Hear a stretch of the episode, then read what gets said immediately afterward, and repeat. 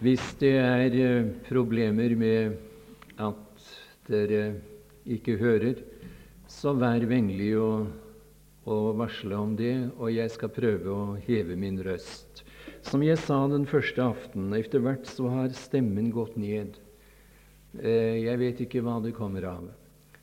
Men eh, til sine tider kan det kanskje bli noe i sterkeste laget. Jeg håper at dere som er spesielt interessert i dette emnet, må kunne høre og få noe med fra disse bibeltimer.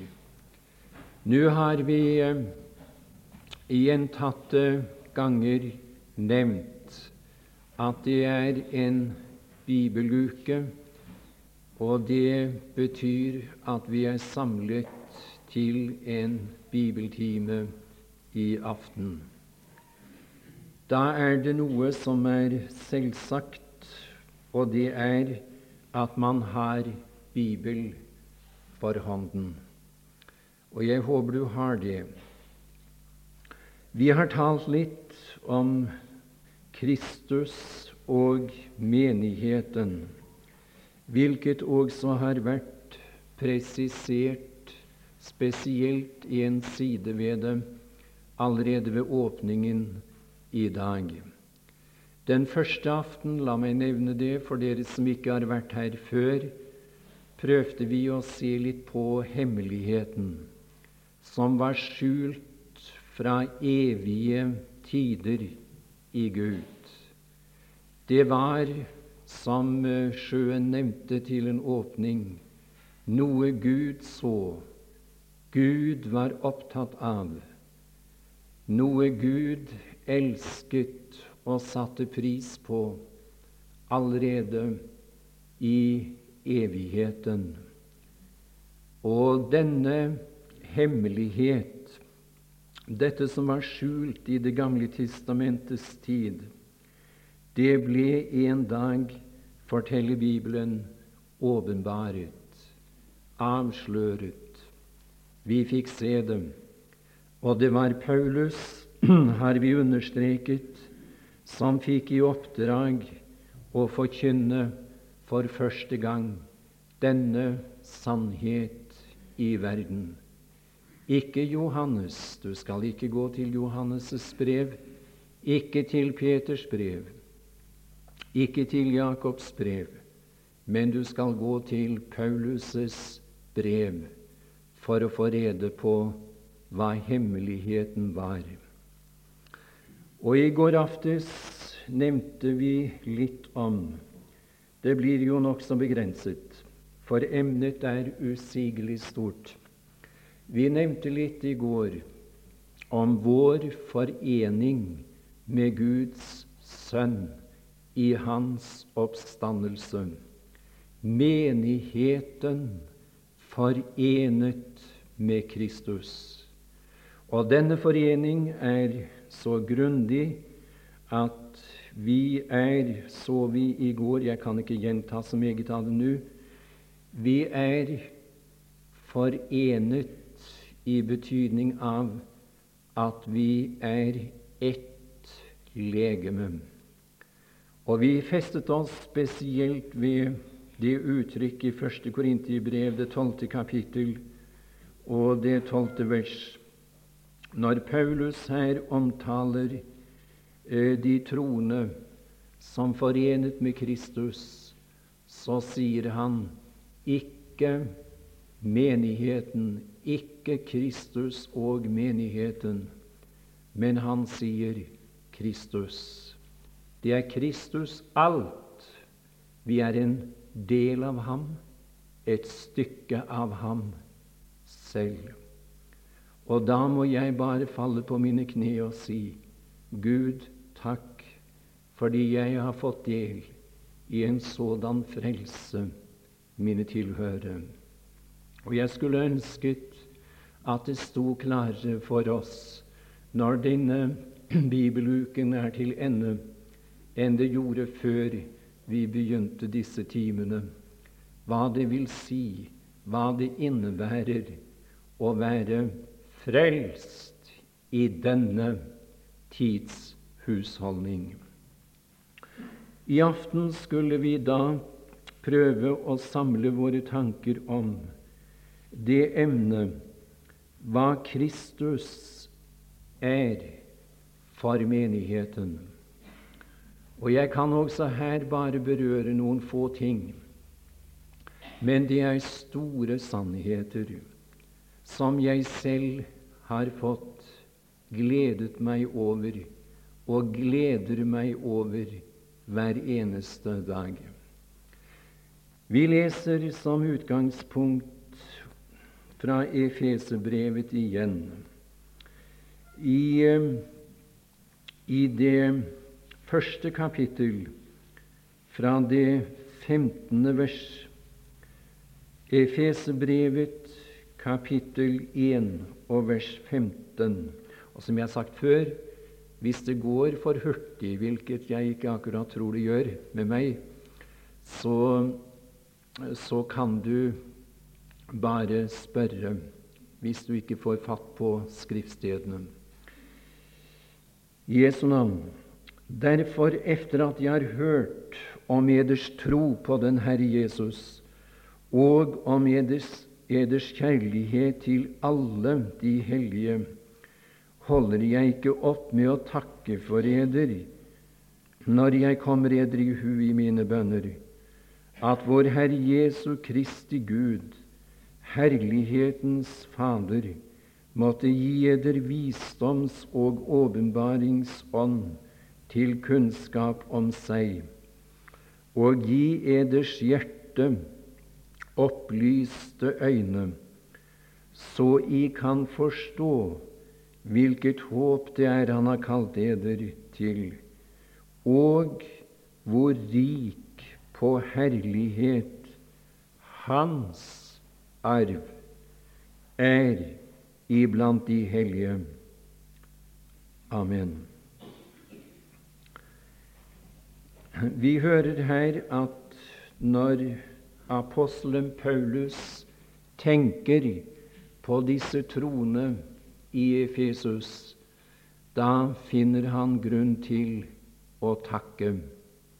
Han ikke bare ber for dem, men når han ber, så føler han en sterk indre trang til å si Gud takk for disse hellige troende i Efesus.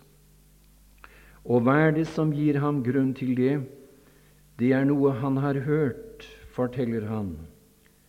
Han har hørt om deres tro på den Herre Jesus.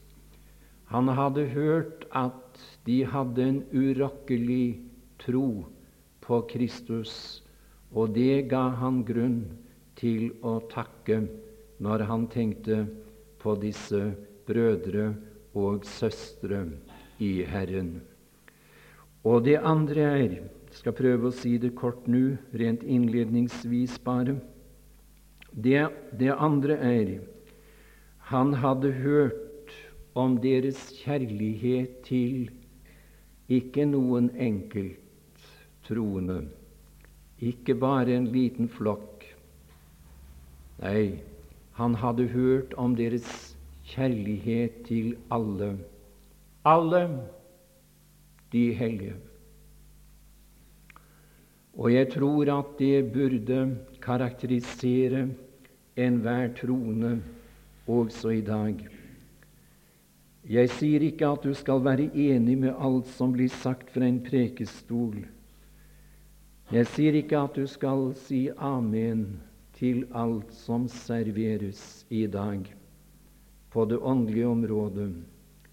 Men jeg tror at hvis vi er frelst, hvis vi er født på ny, og vi møter en troende, selv om man skulle se litt annerledes på detaljer i Skriften, så tror jeg at vi kjenner denne forbindelse. Vi kjenner kjærligheten til ham eller til henne. De elsket alle de hellige. Det var det som karakteriserte de troende i Efesus. Gud gi at det kan sies om oss i dag.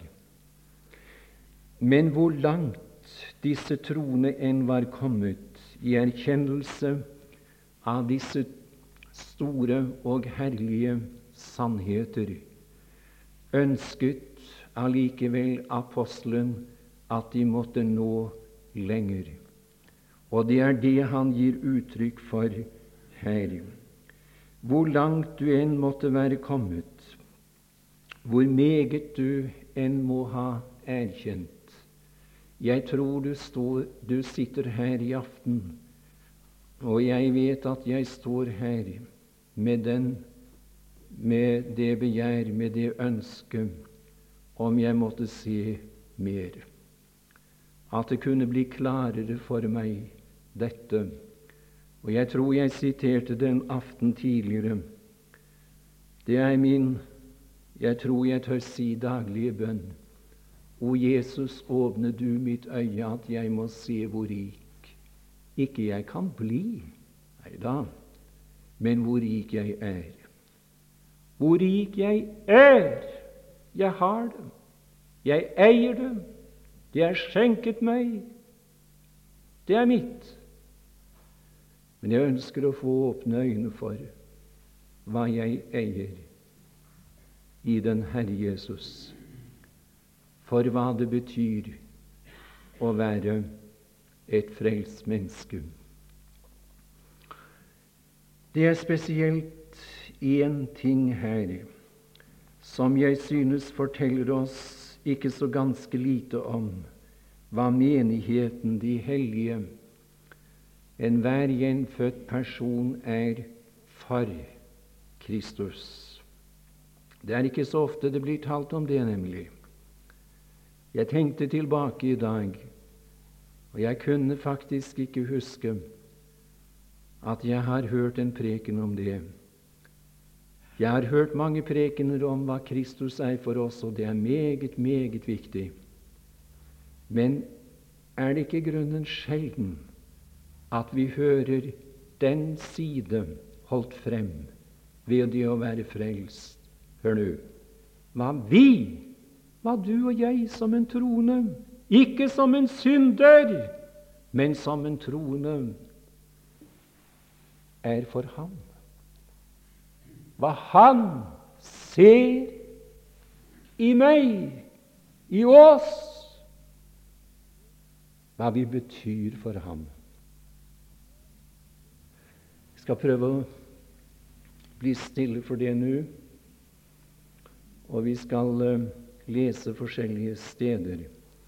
Men det var spesielt altså i det 18. vers det ble uttrykt slik av Paulus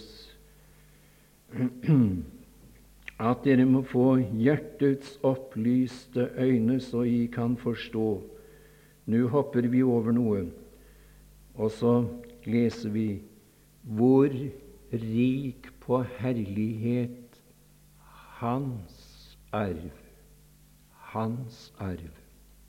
Vil du se litt på kapittelet? Eh, I det ellevte vers forekommer ordet arv. I det fjortende vers har du ordet arv. I det ellevte lyder det 'Han i hvem vi også har fått arvelodd' og i det fjortende Han som er pantet på vår arv. Kan du ikke sette en strek under det? Vår arv. Vers 11 og 14 taler om de troendes arv.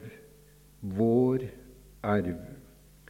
Men i det 18. vers, der tales det om hans. Det kan ikke presiseres for sterkt, for det har så lett for å gås forbi når vi leser dette. Hans arv.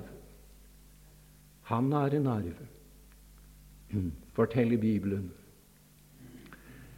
Og tanken er ikke fremmed. Vi finner den gjennom hele Bibelen. praktisk talt Guds folk, så vel i Det gamle testamentet som i Det nye testamentet, er Kristi eller Guds arv. Og Vi skal lese noen steder for å stadfeste dette. Vi går til 5. Mosebok, det 32. kapittel, og leser der i det niende vers For Herrens del er hans folk. Jakob er hans arvelodd. Det er tydelig tale som vi ikke behøver å si så meget om. Det taler for seg. Jakob er hans, dvs. Si Herrens, arvelodd. Og likeledes leste jeg i dag fra Salme 28, hvor det heter i det siste verset der, vers 9 Frels ditt folk og velsign din arv. Kan du ikke også spandere et strek under det? Velsign din arv. Fø dem og bær dem til evig tid. Men hva er Kristi arv, som vi leser om her i Efesebrevet? La meg nevne at det er andre oversettelser som gjengir det slik, og det kan ikke være til å ta feil av. Eh, hvor rik på herlighet hans arv er i de hellige. Her står det 'iblant', men det står også i flere oversettelser i. I de hellige. Og det kan ikke bety noe annet enn at de hellige er Kristi arv. Hvorledes ser så den arven ut? Jeg kunne forstå det ville, det ville ligge meg nær å oppfatte det slik at den arven, den er rik på skam og på vanære. Jeg kjenner meg selv en del. Jeg kjenner ikke til bunns hva jeg er når det gjelder den gamle natur, den syndige, bunnfordervede naturen i meg. Men mine tilhørere, jeg har etter hvert lært meg mer og mer å kjenne. Og det har også du. Jeg tror du forstår meg. Plages du ikke ofte nettopp av dette at du ikke er slik som Kristus ønsket du skulle være? Det er så mye som hefter ved deg, som eh, ikke akkurat kaster glans over Hans navn, men er derimot, tvert imot, til vanære for din frelser, så plages du av det. Tar jeg ikke feil, så er det ofte slik at når aftenen kommer, så lukker du dine øyne for å sove med den tanke Gud kan ikke være tilfreds med meg slik som jeg er. I aften skal du ikke høre hvordan du selv vurderer deg, heller ikke hvordan dine medtroende ser på deg, og langt mindre hvordan djevelen ser på deg som en troende. Men i aften skal du legge dine ører til og lytte. Nå skal du få høre hva han mener om deg, hva han ser i de hellige i lys av forløsningsverket. Det er det vi skal prøve å se litt på nå. Og vi trenger å få hjertets opplyste øyne for hva vi er for ham. Det kan ikke være i tvil om. Det står Vi leser det igjen. Og ta det med deg. Tenk på det i hverdagen. La det få oppmuntre deg der du lever ditt liv som en troende. Det er ikke mine ord, det er Herrens ord, og det lyder Ja, jeg, jeg beundrer Herren. Jeg beundrer Herren. Hvor rik på herlighet! Hørte du det? Hvor rik på herlighet! Hvor rik på ære hans arv er i de hellige. Han ser en skjønnhet i deg. Han ser en glans som ingen andre kan oppdage. Den Herre Jesus. Hva du er for ham. Det er meget mulig at du satte deg ned på benken i aften oppgitt, resignert. Du tenkte det kan ikke nytte å fortsette, for det står så, så dårlig til med meg. Jeg skulle ønsket at du kunne gå fra denne bibeltimen og si, Herre Jesus, jeg beundrer deg, og jeg tilber deg for jeg ser at i kraft av ditt forløsningsverk på Golgata kors, så har du fått noe vakkert ut av meg. Jeg er skjønn i dine øyne. Ja, vi skal, eh, vi skal eh, lese litt fra Lukas evangeliums 15. kapittel før vi går videre. Lukas evangelium, det 15. kapittel. Der var det noe som tok tak i meg i dag på nytt. Og det var da Det er jo tre lignelser i Lukas evangeliums 15. kapittel. Og den første er lignelsen om hyrden som går efter det tapte får i ørkenen og han går efter det til han finner det, står det. Og jeg pleier gjerne å lese feil av og til sånn, for å få frem hva det egentlig står i det jeg retter på det umiddelbart. Skal du høre eh, Når han Altså vers 5, Lukas 15, vers 5. Og når han har funnet det, legger, legger han det på sine skuldre med sorg. Med sorg? Nei, ikke med sorg. Vet du hva jeg trodde lenge? Jeg trodde det var bare bryderi og umak for ham å bære meg gjennom denne verdens ørken. Bare umak. Ja så trodde jeg han var, han var så skuffet over meg. Skuffet. En skuffet Kristus over meg. Det var det jeg så. En skuffet Gud. Men så fikk jeg øye på dette. Ta det til deg nå. La Den hellige ånd få gjøre det klart for deg nå. Jeg tror du trenger det, medvandrer. Og når han har funnet det, legger han det på sine skuldre med glede. Med glede. Ja, dere må unnskylde.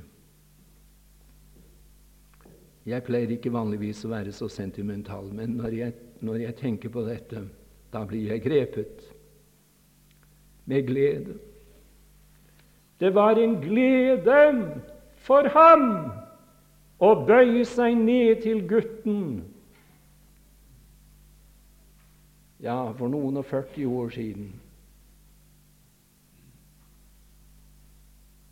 Det er nord i landet da han lå på sine kne og sa, 'Herre Jesus, her er jeg, ta imot meg'. Det var en glede. Og det har vært udelt glede å bære dette fåret i overført betydning hele veien gjennom disse årene. Glede, tilfredsstillelse for den Herre Jesus. Han ser noe i oss.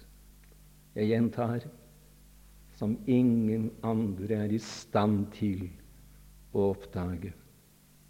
En glede for ham.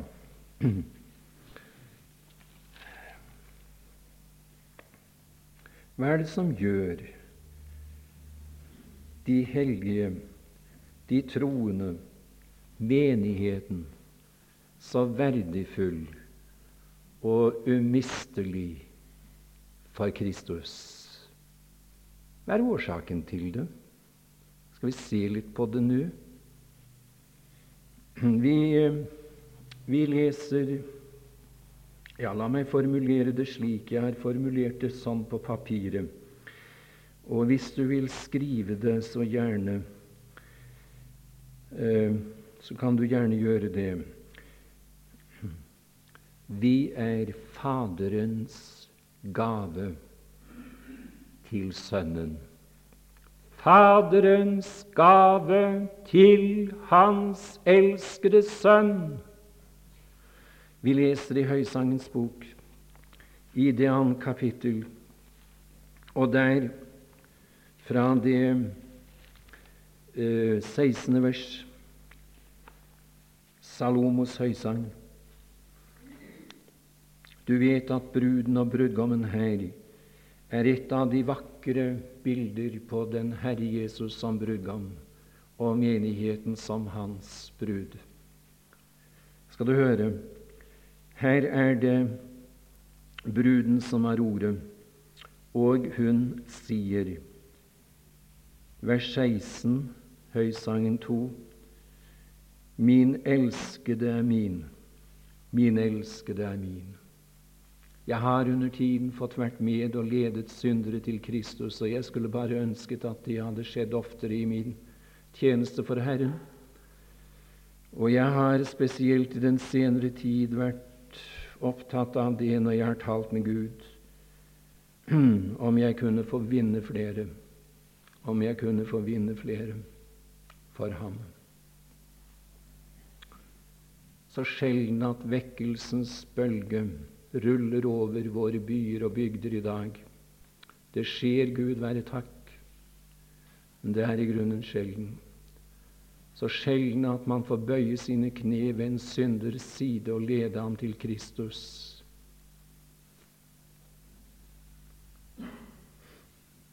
Men når jeg har opplevet det, så har jeg alltid hørt vedkommende som ble frelst, si Det var det første de sa.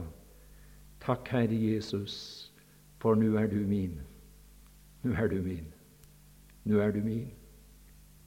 Min elskede er min. Det er der det begynner. Det er der det begynner. Min elskede er min. Men det slutter ikke der. Det er ikke alt som bruden har på hjertet her. Nei, hun har noe mer å si. Hennes vitnesbyrd er dette, min elskede er min, og så legger hun til og jeg er hans. Jeg er hans. Det gikk en tid i mitt liv før jeg oppdaget det, hva det ligger i det. Jeg forstår det ikke til bunns på langt nær. Jeg forstår jeg forstår ikke svært meget av det, men jeg har fått se litt, litt av dette. Hør nå. Og jeg er hans. Det første taler om hva Kristus er for meg. Det andre taler om like tydelig hva jeg er for ham. Jeg er hans. Jeg er hans eiendom. eh, skal vi se litt på det sjette kapittel og det tredje vers.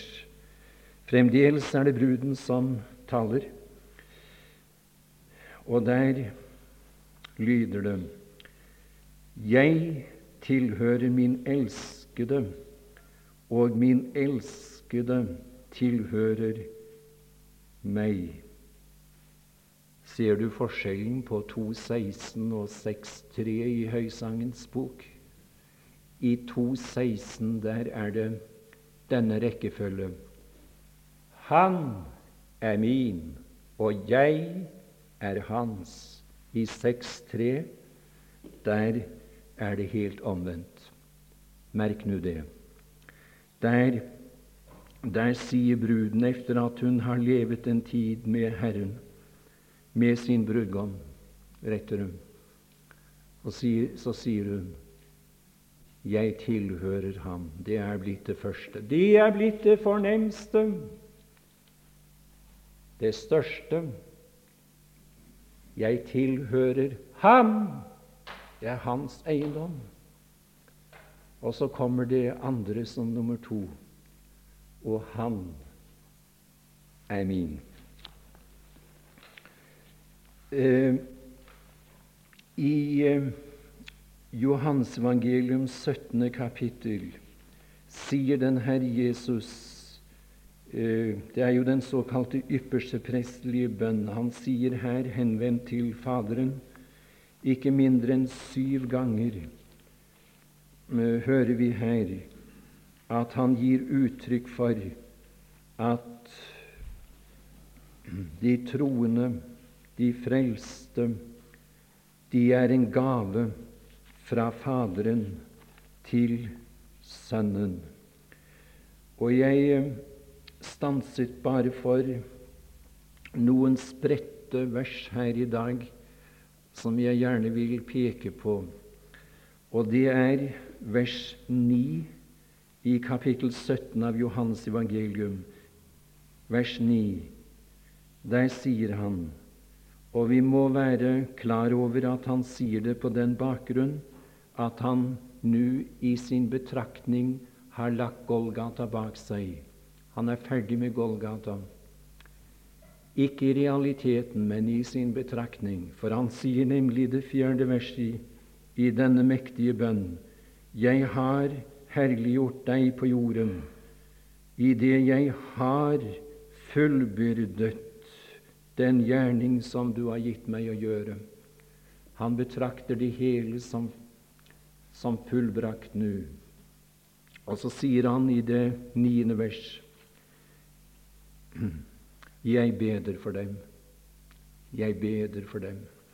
Jeg beder ikke for verden, men, jeg, men for dem som du har gitt meg, fordi de er dine, dem som du har gitt meg. Prøv å finne de syv gangene i Johannes 17 hvor den Herre Jesus gir uttrykk for dette, at de troende er en gave til ham fra Faderen.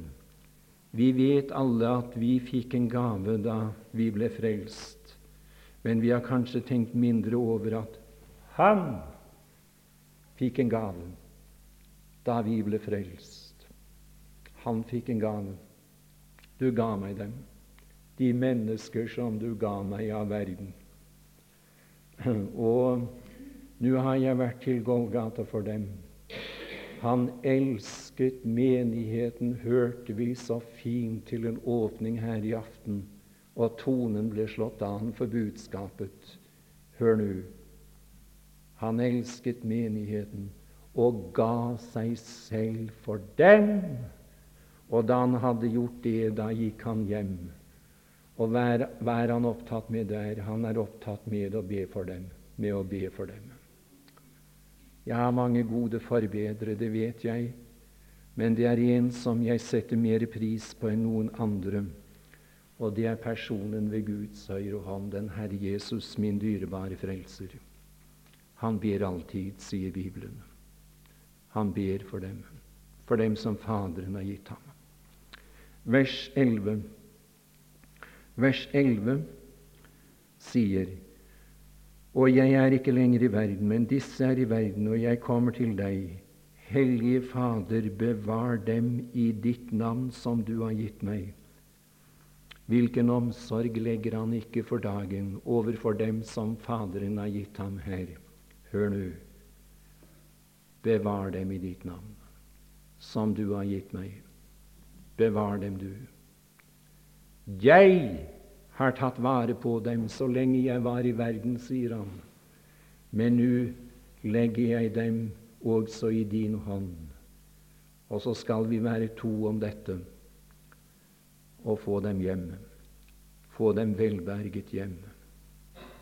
Og ja, når vi en dag står på den lyse strandbredd, da skal vi ikke diskutere den saken. Det diskuteres her, dessverre, blant de troende. Men da skal vi være enige. Da skal vi være enige, godt folk. Da skal våre øyne være rettet mot Kristus og mot Faderen. Og så skal vi erkjenne det var ved de to hender som grep oss. Vi kom hjem. Han holdt fast, selv da når taket her hos meg glapp. er det som er det fine. Det er maktpåliggende for Kristus å få oss hjem, godt folk, i Faderens hånd.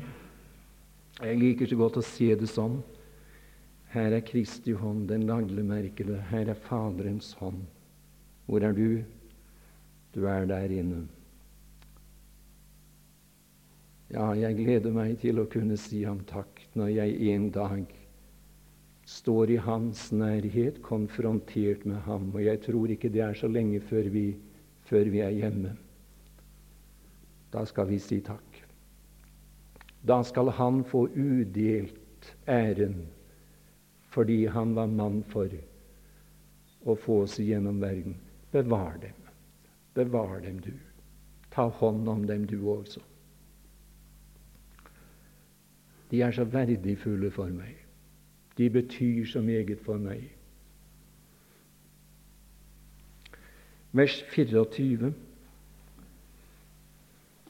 Fader, jeg vil at hvor jeg er, hvor jeg er, der skal også de som du har gitt meg, være hos meg, for at de skal se min herlighet som du har gitt meg fordi du har elsket meg før verdens grunnvoll ble lagt. Jeg vil at hvor jeg er Jeg liker så godt å si det slik at brudgommen og bruden skal dele værelse. Ja, vi skal være der hvor han er. Skal være i privaten. Englene vil aldri komme opp på de høyder som bruden skal nå opp på. Nei, de skal være der hvor han er. Og, og, og tanken hørte vi til en åpning antydet, berørt. Det var dette han var alene i evigheten. Han hadde dette værelset for seg selv. Hvorfor gikk han ned? Han gikk ned for å vinne seg kompanjonger. Det er kanskje et dårlig uttrykk. Han gikk ned for å vinne seg en som kunne dele herligheten med ham de som Faderen har gitt meg. Ja, de, de, skal være meg så ganske, ganske nær, mer nære tenkes kan, i alle evigheter. Det skal være der hvor jeg er. Det står at de troende er Kristi brødre. Kristi brødre. Og vi skal lese litt om det ifra Hebrebrevet, og der i det annet kapittel og det ellevte vers. Ellevte vers. For både den som helliggjør, og de som helliggjøres, er alle av én. Derfor skammer han seg ikke ved å kalle dem brødre. Han skammer seg ikke ved å kalle dem brødre. Når han sier 'Jeg vil kunngjøre ditt navn for mine brødre' Ja, jeg har søkt i Bibelen Nå må du legge merke til hva jeg sier. Jeg har søkt i Bibelen for å, funnet, for å, for å finne et eneste sted hvor det, hvor det er noen som, som omtaler Kristus som broder, eller som tiltaler ham som broder. Og jeg har aldri funnet det. Ikke på et eneste sted. Og hvis du har funnet det, vil jeg være takknemlig om du gjør meg oppmerksom på det når dette møtet eller denne bibeltimen er slutt. Aldri finner jeg noen som sier til Kristus 'min broder', eller som omtaler ham som sådan. Aldri. Men jeg finner gjentatte ganger at han kaller oss brødre. Ja, men du sier dette er pedantisk. Dette er um, flisespikeri, sier du. Dette er å gå for langt. Jeg tror ikke det. Jeg tror vi skal være nøye med å holde oss til hva Skriften sier. Johans evangelium, det 20. kapittel. Johans evangelium, det 20. kapittel.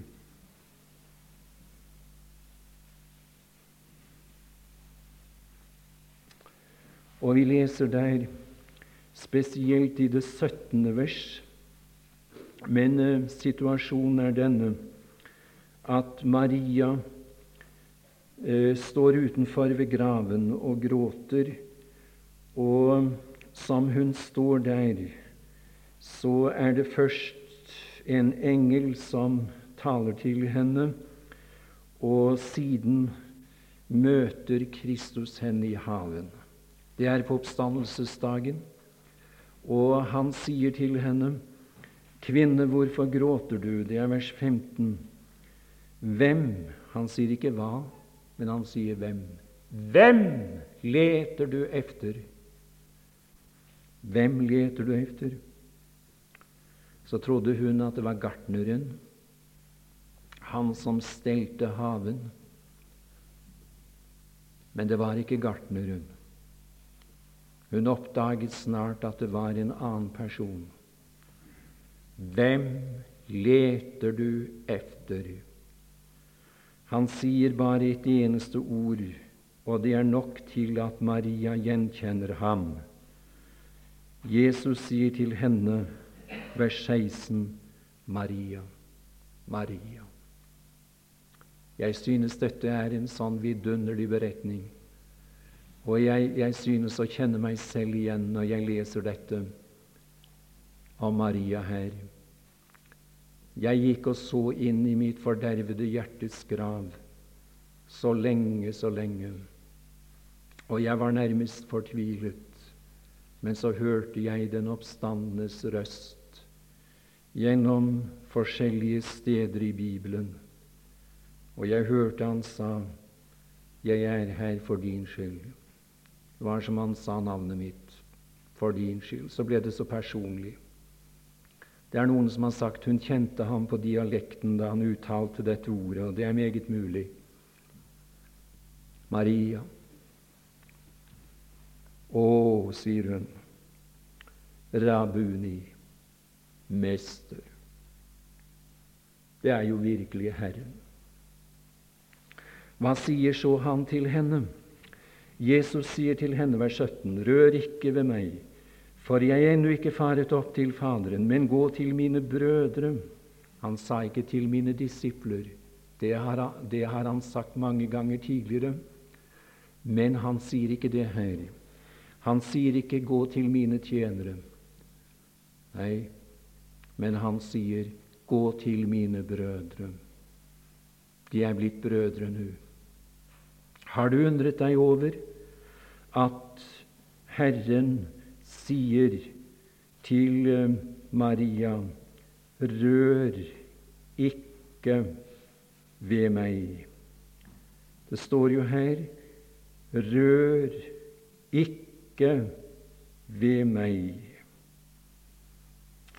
Det fortelles jo i Matteus evangeliums åttende kapittel at da han møtte kvinnene på Galileas fjell, så falt de ned for hans føtter og omfavnet ham. Det fortelles i Lukas evangeliums 24. kapittel da han åpenbarte seg for disiplene på salen. Det var også på oppstandelsesdagen. Da sa han til dem, ta på meg, berør meg, kjenn på meg. En ånd har ikke kjøtt og ben som dere ser at jeg har. Men til Maria sa han, rør ikke ved meg.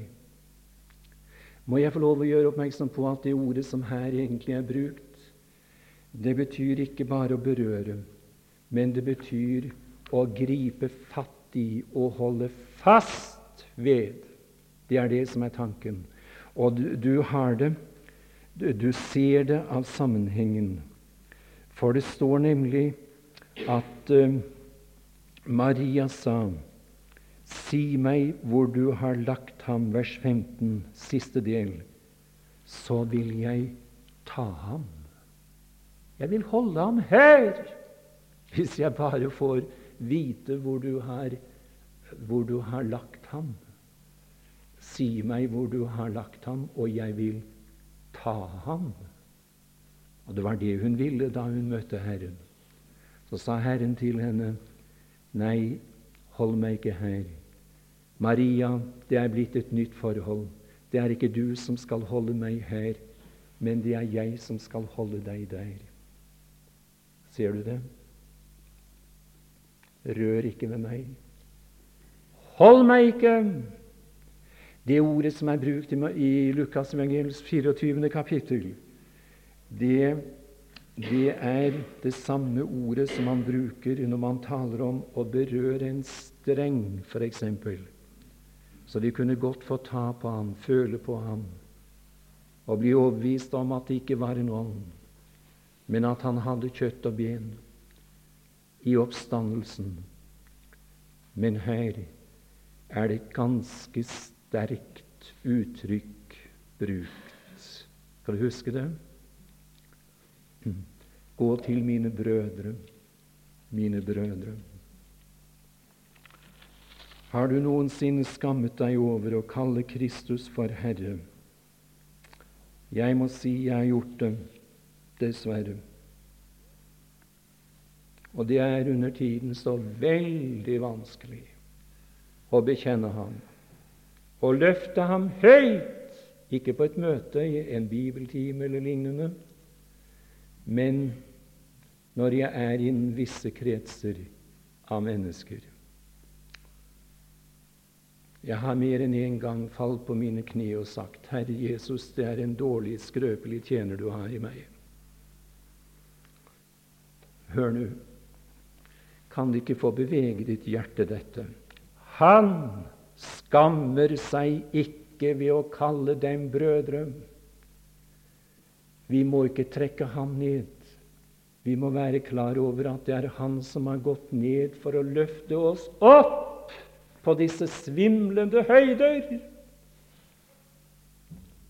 Ja, han skammer seg ikke ved å kalle dem brødre.